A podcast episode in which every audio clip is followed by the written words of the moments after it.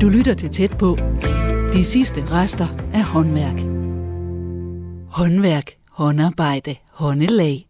Smag lige på de ord. Vores hænder er et uundværligt redskab til at fremstille huse, møbler, tøj og andre livsnødvendigheder. Eller, det vil sige, hænderne var et uundværligt redskab, før vi overlod håndens arbejde til maskiner og ensrettet masseproduktion. Men rundt om i Danmark, der sidder faktisk stadig enkelte mennesker, der stadig holder fast i håndværket, uanset hvor besværligt og langsomligt det måtte være. En af dem er 88-årige Margot Erstad. Goddag. Goddag, goddag. Og tak fordi jeg måtte komme ind for ja, i butikken. Velkommen. I en kælder midt i Aarhus har Margot Erstad butik og værksted. Hun er gørtler og har arbejdet med metaller som bronze og messing i næsten 70 år. Før 2. verdenskrig var Danmark fyldt med gørtlere, men i dag er gørtleruddannelsen nedlagt, og Margot er en af de aller sidste, der er tilbage. Ja, jeg hedder Margot Erstad, og jeg har drevet firmaet efter min mands død siden 1962. Margots butik er som en Aladdins hule, fyldt med lysestager, lysekroner, dørgreb, skilte, knager og alskens noter af bronze og messing. Og Margot har sine helt faste meninger om, hvad kunderne bør købe og har brug for. Og der er jo mange kunder, der tager lidt fejl og siger, nå, kan vi ikke købe det der med det samme? Jo, nogle, nogle ting kan I købe med det samme, men andre ting, de skal først laves. Ja, det er man jo ikke vant til i dag. Nej, det er man ikke. Og der er også nogen, der er lidt utilfredse med, at de skal vente. Det hele skal helst være her og nu. Det er jo så det er sådan beslag altså til, til nøglehuller, kan man ja, sige. Ja, altså det her, det, det kalder vi et midterbeslag. Det er for eksempel et beslag til en kommode, ældre, ældre slags kommode fra 1910-20, med et højt nøglehul i, i midten, og en, et greb på, så man kan trække skuffen ud. Og så er der beslag, der er sidebeslag, og så er der ekstra nøglehuller til nøgle, og nøglehullerne er jo også altid meget forskellige, for der er forskellige låse, forskellige nøgler, og det skal man jo alle sammen tage hensyn til. Ja, og så er der jo altså også forskellige mønstre ja. på, på de fleste af dem her, kan ja. jeg se. Det kommer jo ganske an på øh, stilen af, af møblerne, og, og det spørger jeg jo gerne efter. Men der er jo mange gange, at kunderne ikke ved det. Ikke ved det, hvad de vil have? Nej, hvad stilen er på Nå, deres møbler. Nej. Og så siger jeg, har I ikke et billede? Og så er det jo så smart nu om det. Mange gange har de jo et billede på deres telefon. ja. Så er der, ja, hvad er der alt muligt andet? Der er også et tal til at sætte husnumre. Ja, så er der rigtig mange husnumre, og det er en, jeg vil sige, der er egentlig mange huse, der ikke har et husnummer, og det er i hvert fald en stor fejl. Har man brug for folk en dag eller et eller andet, så er det rigtig galt, hvis man ikke, hvis når de ikke ved, hvad vi skal, hvor vi skal hen. Ja, det er rigtigt. Ja. Og der er det heller ikke lige meget. Er det et gammelt hus? Er det et nyt hus? Er det langt fra vejen? Er det tæt på fortorvet? Og det er jo alt efter, ja, vi spørger os frem, og så finder vi ud af, hvad de skal, kunden skal have. Når du siger, altså vil det så sige, at hvis nu det et hus, der er langt fra vejen, så er det bedre med et stort tal? Akkurat. Ja, det skal jo kunne ses. Ja, det er rigtigt. Ja. Så længe der kommer noget post. Ja. Det ved vi jo ikke, hvor længe det var. Nej, det kan man sige. Nej. Så har du også, øh, hvad kan man sige, lampefødder. Ja, det er altså smuk der, en der. Ja, men altså, det er jo altid enkeltstykker, vi har. Det er jo det, man kalder en bordlampe, og det er øh, støbt bronze, og så er den fortindet. Ja. ja. Og så har vi jo klokker. Dirigentklokker i alle mulige udførelser til, til øh, store firmaer, til pensionisten, og jeg ved ikke hvad. det kommer jo an på, hvad den skal bruges til. Skal den bare lige bruges til bryllup og, og sige, nu vil jeg gerne holde en tale, eller hvad ved jeg. Eller også er der en stor forsamling på 600 mennesker, så skal vi jo virkelig have en klokke, der kan sige noget ud i rummet. Ikke? Ja, det er klart. Og så er der også dem, som man bruger i receptioner. Ja. ja. Og hvad hedder de? Øh, knager? Ja, Alle knager, det er en meget stor artikel, og vi holder os til de gode gammeldags modeller. Nogle af vores egne modeller, nogle får vi et andet sted fra. Det kommer ganske an på, men jeg synes, de fleste de vil have noget kvalitet. Og så kan jeg jo også sige, det de får her, det kan de ikke få andre steder. Det er en model helt tilbage til 1880. Der har man set, dem, set den model øh, mange gange i offentlige ventesale og hvad ved jeg. Men dengang var de støbt i jern, fordi det havde man jo, det var billigere. Ja. Og det her, det er Nu- sådan en, det er sådan en bronze... Øh, Nej, nej, det, det her, det er messing. Altså, Nå, okay. de fleste knager bliver Nå, Nå, ja. lavet i messing. Men der er nogle kunder, der siger, ja, det er jo først nu, det kommer rigtigt til. Nej, så vi har været messing, det har altid været noget hos os. ja. Hvad var nogle af dem her, de her knager, kan du bedst lide selv? Altså, jeg, jeg synes jo, det her det er en flot model. Ja, den er sådan egentlig helt enkel. Ja, der er sådan en, ja, og- en stor og- knager, en lille Og nogle. kraftig. Gods, ja. der er gods i den. Ja, det kan man mærke, den Ja, er godt ja. tung. Ja. Og så hænger der jo også en del. Ja, så hænger der lys- belysninger. Og nogle af dem, det er jo noget, vi har fra kirker. Nogle, der bliver renoveret. Når kirkerne de ringer og siger, hvad har I værksted og så videre, så siger jeg, ja, det har vi stadigvæk. Og ja, så må jeg ud og se på, hvad det drejer sig om. Men mange gange behøver jeg ikke at køre til kirkerne, for vi har et gammelt kartotek, der er ført fra 1901 til dato over alt. Og alle de kirker, vi har haft forbindelse med, alle her i firmaet, der har haft med at gøre, de har bogført det hele på små, kort, håndskrevet. Den kirke har fået lavet det, den kirke har fået det, og så videre. Og det, jamen, det kan være, at jeg må have lov at se det. Ja. Se her. Sådan noget gammeldags noget. Ja, det er sådan en gammel Ja. kartotes, sort kartotesæske. Ja. Og jeg har skrevet her, altså, at det endelig ikke må forsvinde, det, det er. Men her kan du bare se, nu tager jeg lige et, et kort frem, ikke sandt, og nu er det ikke så gammelt. Der er den første leverance øh, 1955, men jeg finder øh, noget, hvor, hvor det er rigtig, rigtig gammelt. Ja, her er også Færøerne, og øhm, her er et gammelt kort. Der står Rosted ved Holstebro. 1912. Ja. Et stykke lysekrone. Nummer to med 16 arme messing. Og så har den været herinde i 1948 og blev renoveret. Og i 1929 i maj måned, der har Randers, den katolske kirke, fået tre lysekroner, der hedder nummer 8A, og den er helt, helt speciel, for den er anderledes, end den er i de evangeliske kirker. Her er Søften Kirke også, det er vi her udenfor. De har fået noget i 1917 to lysekroner. Nummer 11, også i messing. Og så står der jo også priser på. Og der bliver man jo helt så siger, kan det virkelig passe? Fordi det er så små beløb i dag, altså, Ja, ja, tænk ja. med nutidens kroner. Det er helt vildt. Ok. Vi kan blive ved. Vi kan blive ved. Så I har lavet lysekronerne, og så, så øh, vedligeholder I den, hvis der skulle være noget. Det er det? Ja, det, det gør vi jo, men der er jo også et par firmaer mere, der gør det. Altså, det må vi jo sige, vi er jo ikke enige om det. Men der er jo ikke ret mange gørtler tilbage i Danmark. Det er rigtig sørgeligt, synes jeg. Ja, vi har haft rigtig, rigtig mange lærlinge i årens løb. Men de senere år har vi jo ikke haft lærlinge. Nej. Så nu er du her alene, eller hvad? Jamen altså, nu, nu er jeg jo chefen, ikke sandt, og så videre. Så, men altså, det der med lærlinge, vi har drøftet det, men det er også det. De unge mennesker, de vil jo helst noget andet. Hvad er det, der har skubbet gørtleriet ud?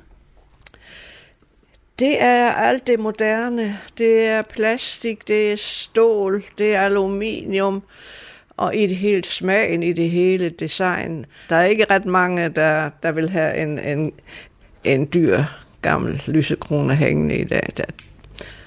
Det er ikke så almindeligt. Der er også nogen, der kan købe noget på auktion, og, og så skal det også gøres i stand, og så tror de jo altså, de har virkelig øh, gjort et billigt køb, ikke sandt? og så, så kommer de her, og så siger jeg, jamen altså, det koster det og det, og få den fuldstændig sat i stand, og, og så videre, så ja, så bliver de alligevel nu overrasket. Lige nu har du butikken her, så har du værkstedet inde bagved.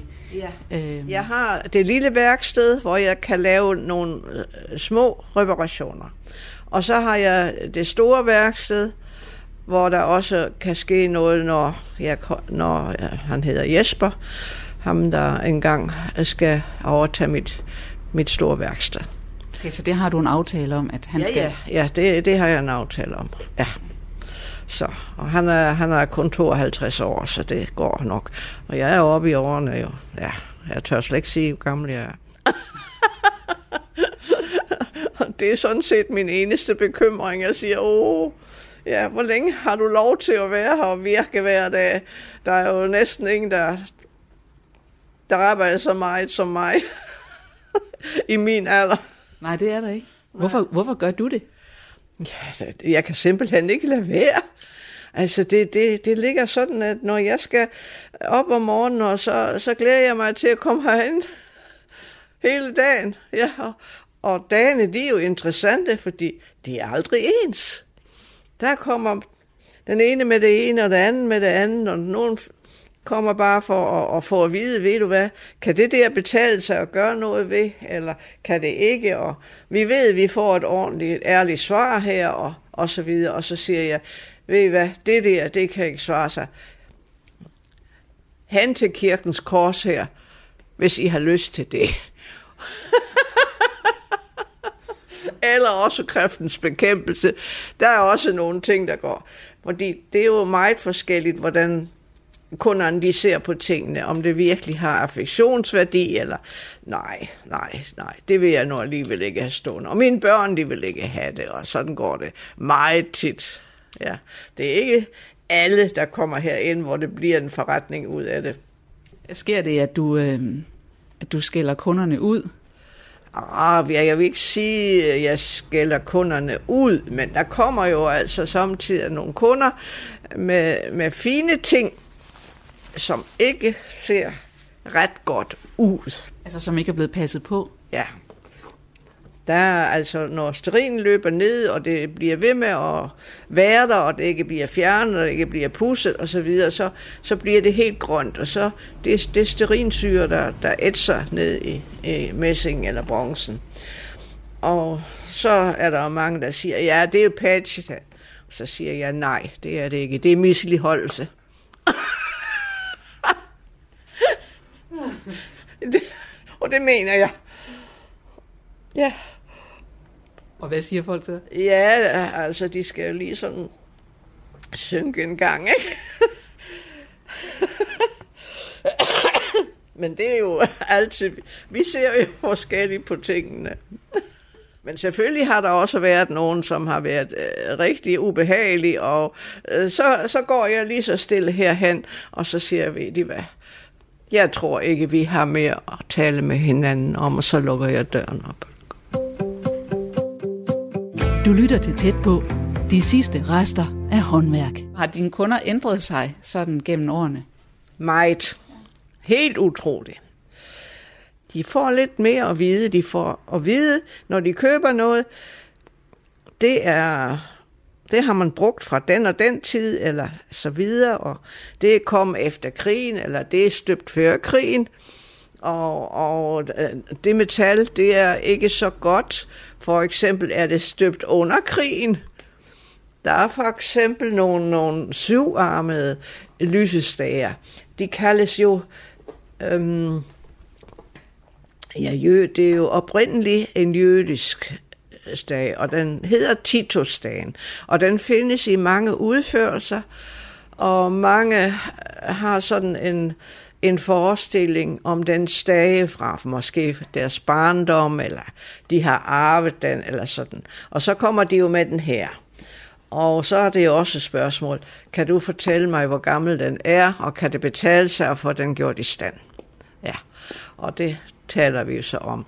Og nogle af, at stagerne, de er støbt af sådan lidt mindre... Ja, i krigen, der tog man jo og smeltede lidt andet sammen. Og så siger jeg, ved du hvad, den, den er altså ikke så god, den der. Du kan aldrig få den ordentlig, fordi der er for mig et andet metal i og så videre. Det kan ikke svare sig at gøre noget ved den. Vi må jo sige, at sådan noget, det er mere og mindre håndarbejde, når vi skal lave det sådan noget. Altså det, det skal renses, og det skal slibes, og det skal pusses, og det skal poleres osv. Det tager tid. Og der må man jo sige, at det er jo nogle andre time, timelønninger, end vi har i dag. Men hvordan kan, du, hvordan kan du bestemme, hvilken metal der er inde i sådan en lysestage? Det, det kan jeg se, og så tager jeg nogle prøver. Jeg tager en, en skarper, og, og jeg filer, og så videre, og, og det, har, det, det er erfaring omgående se, og der kommer, i går var der en dame, hun kom med en rigtig fin stage, og hun siger, ja, sådan en har vi fået alle sammen, alle fem børn, altså hjemmefra og så videre, den her fine messingstage. Nej, sagde jeg, det er ikke en, en messingstage, det er en meget fin bronzestage, I har, og så er der nogle kæmpe stempler i, sagde jeg. Og der kan du jo se, jamen jeg ved godt, hvem der har lavet den, det er en gørtel op i Nordjylland. Ja, sagde jeg, ham har jeg også kendt. Det må være dejligt at kunne have det der, at vide, hvad det er, tingene ja. er. Ja, det er jo noget, man lærer. Men det, jeg tænker også, det må være en fornøjelse for dig at kunne have den erfaring og kunne se det. Det, det er det, og jeg siger altså, øh, når jeg engang ikke er her mere, så, så er der ikke rigtig nogen, der, der kan overtage den. Nej, som har den store erfaring, som du har. Nej, nej. Det kan man ikke læse sig til. Man skal have tingene i hånden, og se på den, og finde ud af, ja. ja. Er du i gang med at, reparere på noget lige nu? Jamen, jeg har altid lidt øh, øh, reparationer og så videre, men vi har noget i øjeblikket, og det er en, en, en større opgave. Der skal vi først i gang med at se, hvad vi helt taget kan gøre ved det. For det som vi snakkede om, da vi skulle give et overslag, så siger han, ja, det, det, det, det skulle have været her inden for 25 år siden. Det er virkelig dårligt. Det er virkelig dårligt. Men lad os nu se. Vi må se, hvad vi kan gøre. Hvad er det for noget? Ja, det er nogle, nogle øh, meget fine aldersdager fra 1750. Nu går vi ind i dit lille værksted. Ja. Her er så en stage, der er lavet her for mange, mange år siden som også lige skal have en lille tur. De vil gerne have, at de ikke skal pusse så meget. Men altså, jeg siger, jeg er nu ikke så meget for, at, det, at tingene skal lakeres, fordi hvis man bruger sterinlys, og det drypper ned af stagen, så bliver lakken faktisk lidt skadet med tiden. Men okay. jeg kan jo ikke sige, det, det skal de ikke have det skal de ikke gøre, eller noget. Og den er den tung, ja. den, og det er bronze. Ja. Er det sådan en bronzestage fra en, en kirke også? Ja, det, det er en, en rigtig gammel model. Altså, modellen den er også fra omkring 1700. Nå. Men den er jo så lavet her for mange år siden, ikke sandt, og så videre. Så kommer den jo igen og skal have en tur. Så når den skal have en tur, så, så er det, du skal lakere den, eller hvordan? Nej, nej, nej, den, den skal renses og poleres op, ah, ja, okay. og så videre. Og det, det her, det er altså den dag, den dag, den dame kom med i går, der hvor hun sagde, at hun troede, det var messing. Men det, jeg siger, det, det kan jeg se, det er bronze. Ja. Det kan du simpelthen se på det og mærke ja, på jamen, det. Ja, jamen altså, du kan se på løden med det samme. Se, det her, det er jo messing.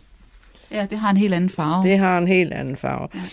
Og så er der løsestager, der går løs, og, og noget, der slet ikke kan betale sig at gøre noget ved, fordi tingene, de, de kan jo simpelthen være så, så ødelagt. Altså, dårlige reparationer. Der har måske været...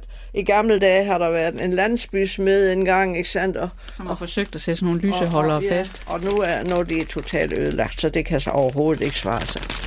Så det må man jo så forklare kunden, og så viser vi det, og, og så gør vi det. Ja. Men du har jo simpelthen, de- man kan, der er ikke mange ledige pladser på dit arbejdsbord her. Nej, men altså, jeg vil også sige, det er jo måske lidt rodet. Men jeg kan finde ud af det. Ja, det er jo det vigtigste. Ikke sandt? Det er bedre at have system i rodet, end rod i systemet, står der. Ja. Ja, det er rigtigt. Ja. Og sådan er der jo så meget. Men altså, jeg skal have styr på utrolig meget med, med skruer og hvad der skal bruges, og dit og dat, og, og nogle skruer har vi virkelig besvær med, fordi nu er det jo med moderne skruer, med stjerne og så videre, men de fleste af vores kunder, de vil jo have gammeldags skruer med ligekærper. Ah. Det ved du måske lidt, ja, lidt ja, om. der, ja, der er sådan nogen i hvert fald. Jeg har Ja. ikke tænkt over, at de andre var moderne, men det er de jo selvfølgelig. Ja, men altså, det er jo, det, det, det er jo af hensyn til håndværkerne, man, de er jo meget hurtige. De fleste håndværkere, de vil helst have de nye skruer. Ja, der kan de bruge en skruemaskine. Ja. og vi skal bruge en masse skruer, fordi altså, alt, alt de der bitte, bitte små ting, for eksempel, ikke sandt? Du kan se her, det er jo utroligt, hvad der er. Alle er Små bitte forskellige. Alle er forskellige. Ja. Og når så kunderne kommer og siger, ja, jeg, skal, jeg mangler skruer til dit, og jeg kan jo ikke engang finde ud af, hvad de mangler skruer til. Så siger jeg, kom med tingene. Så finder vi ud af det, om det er noget, vi har. Men jeg er jo ikke lovet dig 100% at vi har dem, og at, om vi kan skaffe dem. Nej. Vi har jo gamle huse rundt omkring, et, rigtig mange gamle huse rundt omkring i, i Aarhus. Og der er jo mange forskellige dørgreb på. Og så er der jo også mange, der har smidt de gamle ud og sat noget billigt på og så videre, og så kommer der en anden lejer eller ejer og så videre. Nej, nej, nej, nej, det kan vi ikke finde os i og så videre. Og så fortæller de altså, hvad der har været, og der er måske en enkelt dør, hvor der endnu er et af de gamle dørgreb på, og så kommer de også med billeder, eller så siger jeg, at de skal komme med billeder. Og så finder vi ud af, hvad der oprindeligt har været på dørene. Og så finder vi de rigtige, og så bliver de bestilt. Ja. Hvad hedder det? Nu kunne jeg godt tænke mig at høre lidt om, om hvor du egentlig kommer fra. ja. Jeg kom til Danmark for første gang i 1947, og det var på skoleophold. Jeg er jo født på øen Sild, og havde øhm, tysk øh, statsborgerskab. Ja. Og jeg skulle jo have været noget helt andet i mit liv. For fra min fars side, der var det hotelejer i mange generationer. Og jeg er også opvokset i et hotel. Dine forældre havde et hotel. Ja, på Sild. Og det er jo ikke ualmindeligt, for det er jo en, en, en, en virkelig turistø. Altså, det har det altid været. Og i dag er det jo helt vildt. Altså, der er jo højhuse og alt sådan. Men dengang jeg var barn, der var det jo næsten kun stråtægte dejlige huse og sådan. Og vores hotel, det var heller ikke sådan noget højt oppe. Det var kun lige to etager og, og så videre. Men altså, fra jeg var lille pige, der, jeg var jo den ældste af tre søstre, der blev der jo sagt, ja, men altså, en gang når, når det er så vidt, så, så bliver du sendt afsted på en hotelskole, og så er det dig her. Men alt blev lavet om på grund af krigen. Krigen var jo rigtig hård, og vi havde rigtig mange øh, soldater. Før tiden havde vi jo sommergæster, der boede, og, og så pludselig så var det hele jo fyldt med soldater, og vi måtte jo bare lukke nogen ind, hvor der var pladsmangel og så videre. Og, og da soldaterne de er væk, så kom der flygtninge. Vi skal have nøglerne, og vi skal lukke de mennesker ind. Og, ja, så var der alt det var forbi, der var hotellet ødelagt. Du lytter til tæt på med en af Danmarks sidste gørtler, Margot Erstad. Hun er født i 1931 og voksede op på den tyske ø Sild, hvor hendes forældre havde et hotel. Som barn under 2. verdenskrig oplevede Margot nazisternes jødeforfølgelse helt tæt på.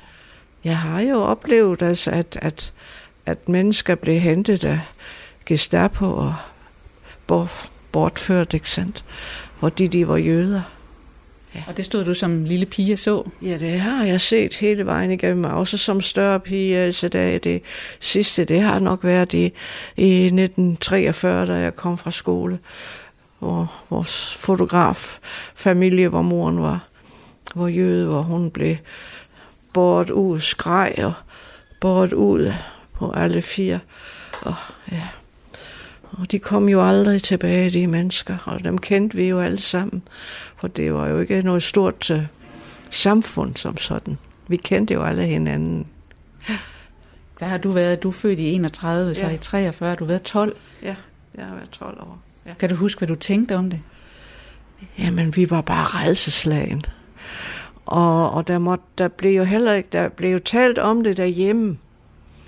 Men min mor, hun sagde ikke så meget, og min far, han prøvede på at, at forklare lidt og så videre, men alligevel skulle det jo gøres meget, meget forsigtigt.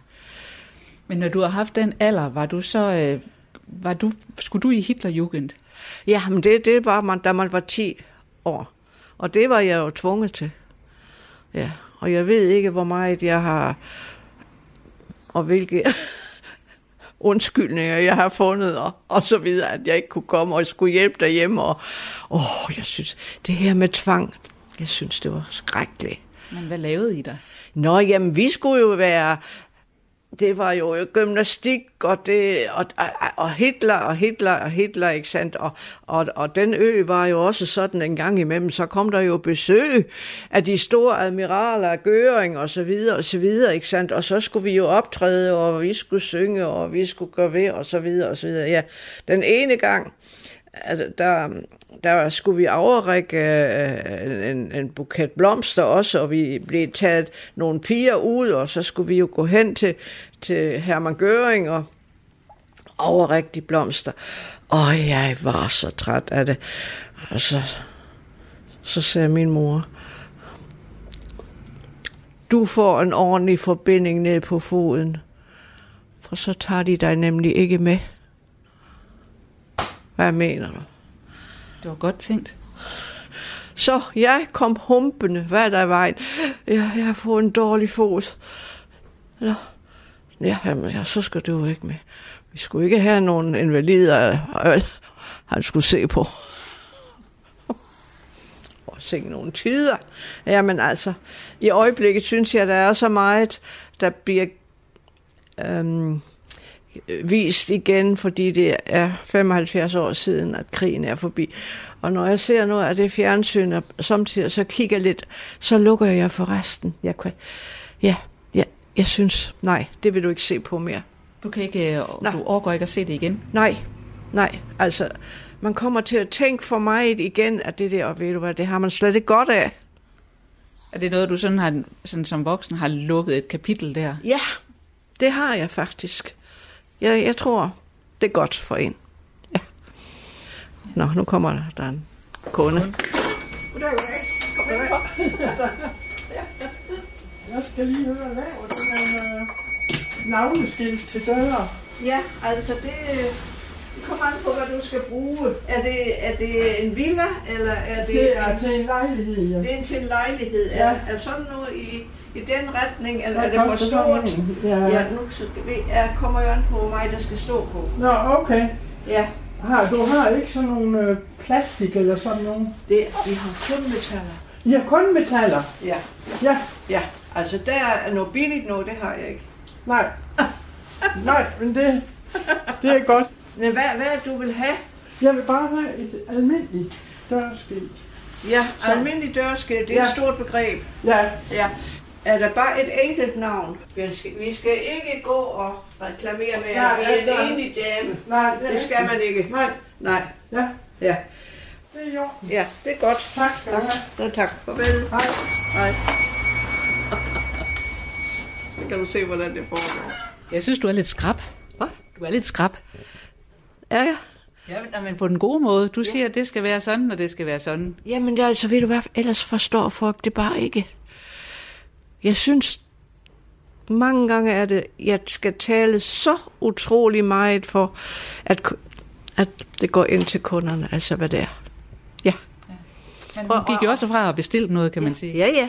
Men altså, der er også mange af de ældre, der hører dårligt. Det har jeg også opdaget. Ja, men din hørelse fejler ikke noget. Nej. Margot ler, så det hvide hår står som et brus omkring ansigtet med det skarpe blå blik. Jeg fornemmer tydeligt den viljestærke unge pige, der efter 2. verdenskrig flytter fra Tyskland til Danmark, blandt andet for at komme på husholdningsskole. Senere får hun plads i huset hos tredje generation af en gørtlerfamilie i Brunsgade i Aarhus. Og det bliver Margots skæbne. Og der møder jeg så sønnen her til gørtleri, bronzestøberi og gørtleri. Ja, og der er det jo det. Hvad sker der? Men det tog lang tid, altså. Vi blev først gift i 1954.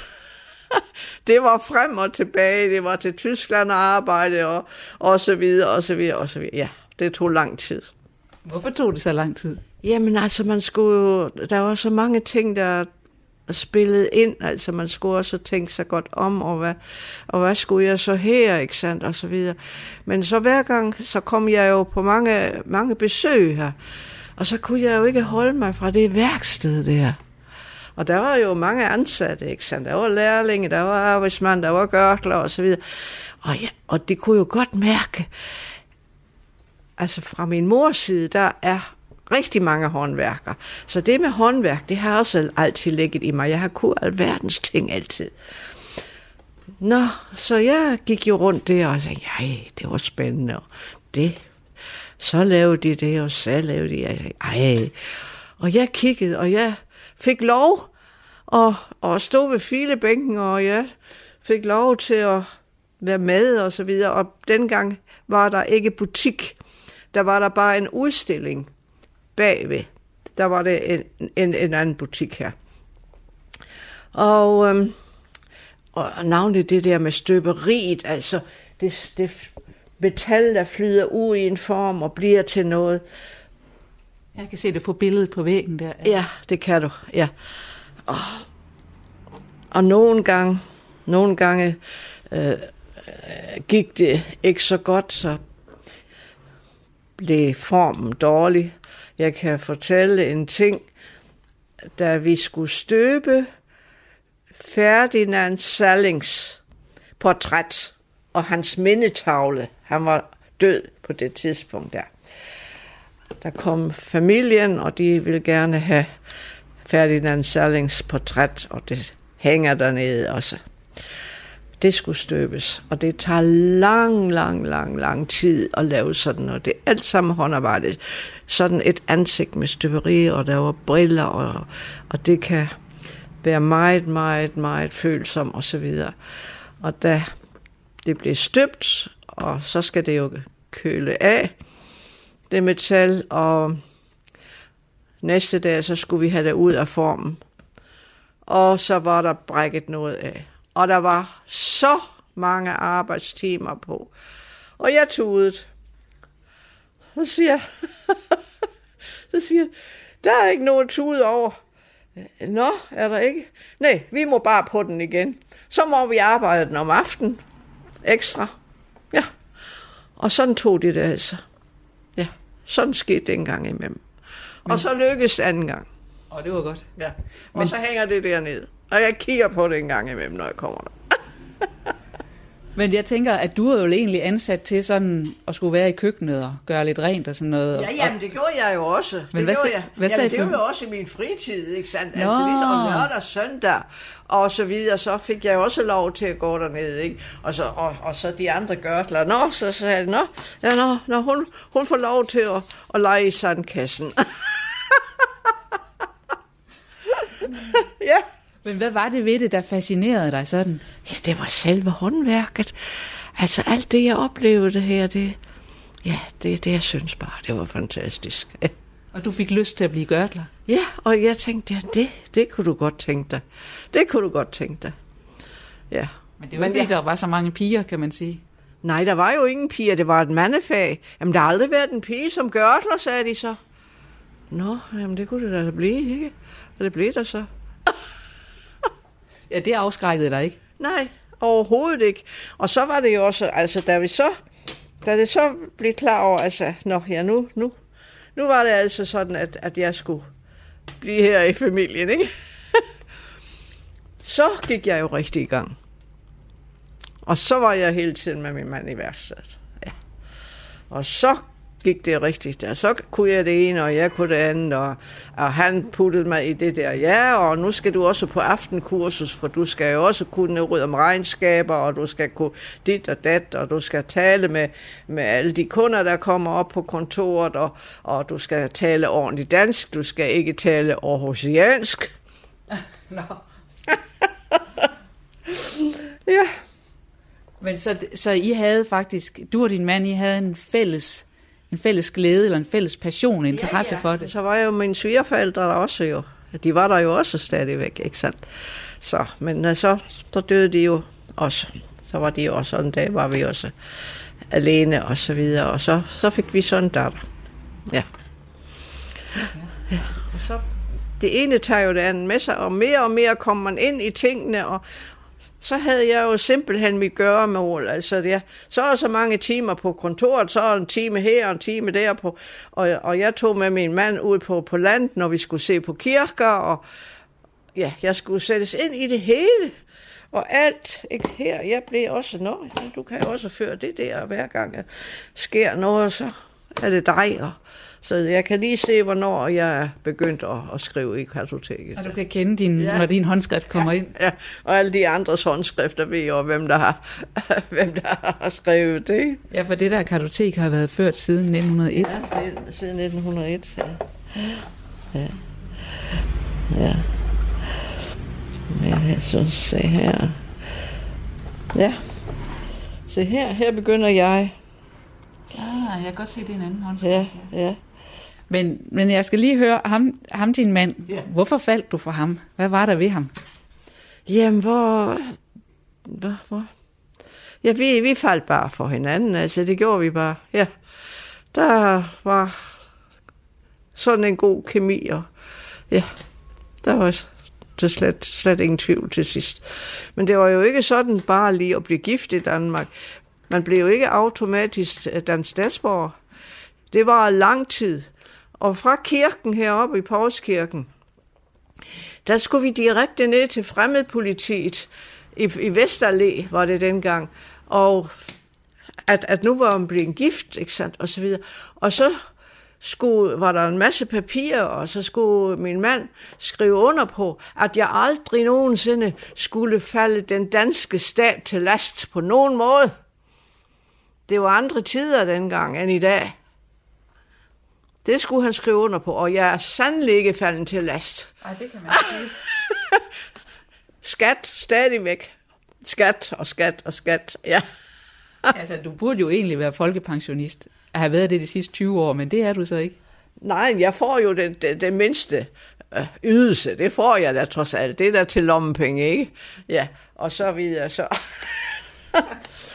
Men altså, Men det, I, I havde bare også et rigtig godt samarbejde om ja. altså, interesse for faget. Ja, og det. altså det hele gik jo, altså vi var, vi var jo, vi arbejdede jo sammen hele dagen. Og, og på et tidspunkt, der var det jo sådan, at der, der, der fik jeg lidt hjælp uh, til at vaske trapperne i huset. Og huset, det var jo uh, købt af hans forældre, af hans uh, forfædre uh, i 1914 allerede. Før den tid, der lå hele huset og værksted og støberi ned, hvor Brunsbro er i dag. Det hed vist Brunsbro 10 eller sådan noget dengang. Og der, den bro, den skulle bygges, og banegården skulle bygges, og da den blev bygget i 1927, ja, der skete der jo rigtig mange store forandringer, og så havde de jo fået besked i god tid, at de skulle endelig være ude, altså senest 1914. Og så blev den her ejendom til salg, og det er et rigtig godt hus, og der købte de det hele. Ja, og kontoret, det var i stueetagen her, og det er stadigvæk. Sådan Ja, var det. det er mange år, det har været her. Ja, Ja. det er det er rigtig mange Ja. år. Ja, og, det, og, og så er det jo gået i arv hele tiden, ikke? Ja. Men altså, det var jo, vi fik jo ikke så mange år sammen. Nej. Nej. Så der, jamen altså, min mand blev syg i 1958, og der blev konstateret en ondartet kræft. Ja. Og det levede han med i tre år. Og det var ud og ind og ud og ind, og han var simpelthen så stædig, så stædig, så stædig. Og han fik bestrålinger, og han, øh, ja, han, han ville, nej, han skulle sandelig da ikke øh, blive deroppe på kommunehospitalet. Nu, og, og vi kendte øh, professor Krebs, og han var jo regerende øh, professor og læge op på onkologisk dengang, og så videre. Ja. Ah. Og han havde jo været kunde hos os. Så sagde professoren en gang til mig, sig mig en gang, vi har aldrig nogensinde haft en patient som deres mand. Med sådan en, sådan en energi. Og vi har aldrig oplevet, at, at nogen sagde, nu vil jeg hjem og arbejde. Og det gjorde han. Selvom han var syg. Men ikke de sidste halve år. Der var det så slemt, så det var ikke og det, han var jo også helt klar over, at hvordan skal det gå med det firma, ikke sandt? Og, og så videre. Og vi var jo ikke 100% sikre på, om jeg kunne klare det vel, uden ham. Hvad tænkte du om det? Troede du, du kunne det, eller hvordan tænkte du? Jeg sagde, jeg ville. Jeg har en stærk vilje. Men det kommer jo an på, om de ansatte vil blive der. Ja. Og jeg sagde det rent ud dengang. Hvad den der, jeg bliver alene? Ja, de var også alle, der aldrig nogensinde var nogen, der er gået herfra og sådan her. Der var altid udefra, blev der ringet til os. Hvornår har I en lærling, der er udlært? Vi vil så gerne have jeres lærlinge. Ja, og de kunne nemlig noget. Så de ville gerne blive, selvom det var dig, der blev Det chefen. er alle sammen. Hele, alt, de blev alle sammen. Ja. Og vi snakkede om det og så videre, så sagde vi, vi bliver alle sammen. Ja. Det må være en dejlig opbakning at få dengang. Ja, men det, det, det var jo nødvendigt. Ellers kunne jeg jo ikke. Hvad skulle jeg? Altså, jeg sagde, jeg havde også sagt til min mand, altså, jamen, jeg, jeg, jeg, nej, jeg går ikke tilbage til Tyskland. Det kunne jeg selvfølgelig have gjort. Og der var, der var også bud efter mig, altså efter. Men jeg sagde, nej, og, og min datter, hun skal, ja, hun skulle i skole på det tidspunkt der også. Nej, hun skal blive i Danmark. Så du kørte forretningen videre, og så sammen med din... Og så, videre, og så kom der jo andre tider hen ad vejen. Der skete jo rigtig meget i 70'erne. Plastikken kom frem, og aluminium kom frem, og det gik mindre godt med det, og det gik mindre godt med det andet, og der kom kriser og så videre. Vi har der, jeg må da sige, vi har, firmaet har der oplevet rigtig mange kriser også, hvor, hvor de fleste, de har sagt, så lukker vi. Lukke? Nej, sagde vi. Nej. Vi sætter forbruget ned. Færdigt. Det har jeg prøvet før. Sådan er det også i alle, øh, hvad hedder det, øh, håndværk, hos håndværk og også andre forretningsdrivende. En gang imellem, så har man et år, hvor det går skidt, ikke? Hvis jeg tænker på, hvor mange små butikker, der har været her i 50'erne op til 60'erne her i Brunsgade, det var jo helt utroligt. Små butikker med dit, der selv en cykelhandler og flere små og legetøjsbutikker og frisører, flere frisører og fem banker, og nu er der en tilbage. Er der nogle af de butikker, der ligger her i Brunsgade, som også var der dengang? Ja, det er Schweizer-butikken, Schweizer, slutter Schweizerbagen, og Garnbutikken, og Peter Gift. Værtshuset der. Ja. Og så også. Ja, så er det altså også talt. Hvordan tænker du så om at være, at være dig og stå i den her forretning i dag, efter så mange år og så meget forandring? Jeg siger samtidig til mig selv, jeg kan næsten ikke selv tro det. og der kommer kunder, når de kommer. Der kommer samtidig nogen fra Skagen, og der var der en her en gang i sommer, hun kommer, dame og et, et, et, et, et, et ægtepar, og så siger ej, hvor er det godt, du er her endnu. Vi tænkte, Gud ved, om hun er der. ja, ja, og så skulle de jo så bestille det, de skulle have. Ja. Og sådan er det så mange. Og så er der nogen, der kommer med en blomst til mig, fordi de synes, det er så fantastisk, at jeg stadigvæk er her. Og ja, jeg tror, det er helt utroligt, altså, som jeg bliver forkælet. nu var der en kunde før, der spurgte, om du havde noget i plastik, og så sagde du, plastik, det har jeg ikke. Nej. Og der tænker jeg, er det sådan, at plastik er din, altså hvis du skulle have en fjende her, at det er så sådan noget, som da plastik kom i 70'erne? Nej, det her, jeg siger bare, at, at, at for det første så et, et plastik navneskilt. Nej, det, det, det kunne jeg ikke tænke mig. Altså. Men jeg tænker, at plastik er jo noget af det, der har været sådan, altså været en trussel for, for det, du laver for gørtleriet. Ja, at... ja nej, men altså, det, det, det, det er bare noget, det har vi ikke lavet om på. Nej. Fordi så skal vi have et andet materiale ind i, i huset, og andre maskiner ind i huset, og, og alt sådan noget. Det, nej. Jeg har en, jeg sender kunderne hen til. Ja. Så siger jeg, der kan I få det. Hvad tænker du om sådan udviklingen inden for håndværk, sådan som den er, det er gået de senere år, sådan generelt? Man må da håbe, at der er flere unge, der også tænker sig om og bliver påvirket af deres forældre, at det måske er bedre at have et håndværk at leve med. For de kan jo ikke alle sammen sidde på kontoret. Det kan jo ikke nytte noget. Og jeg siger i hvert fald, det jeg har oplevet af, hos håndværker, arbejdsglæde, hvor meget betyder det. Det betyder så utrolig meget, at man er glad for at arbejde med det og det, man nu har valgt.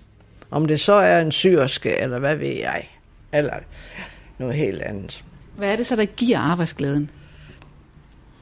Ja, hvad giver arbejdsglæden? For det første er det jo det, at hvis man er oplært ordentligt, og man ved med sig selv, at det der, det kan du i hvert fald. Og det gør du, og du gør dit bedste. Så den der arbejdsglæde, det handler meget om i virkeligheden at have et fundament af erfaring ja. og viden, så man sådan kan, ja. kan se tingene fra mange sider. Ja, ja, og give videre, og så andre, de... Der er mange af de unge mennesker, altså er der nogen, der kommer ind i en anden branche, hvor der overhovedet ikke er noget med håndværk, eller forældrene har haft noget som helst med håndværk, de er fuldstændig blank med hensyn til håndværk. Og det kan jeg hurtigt mærke.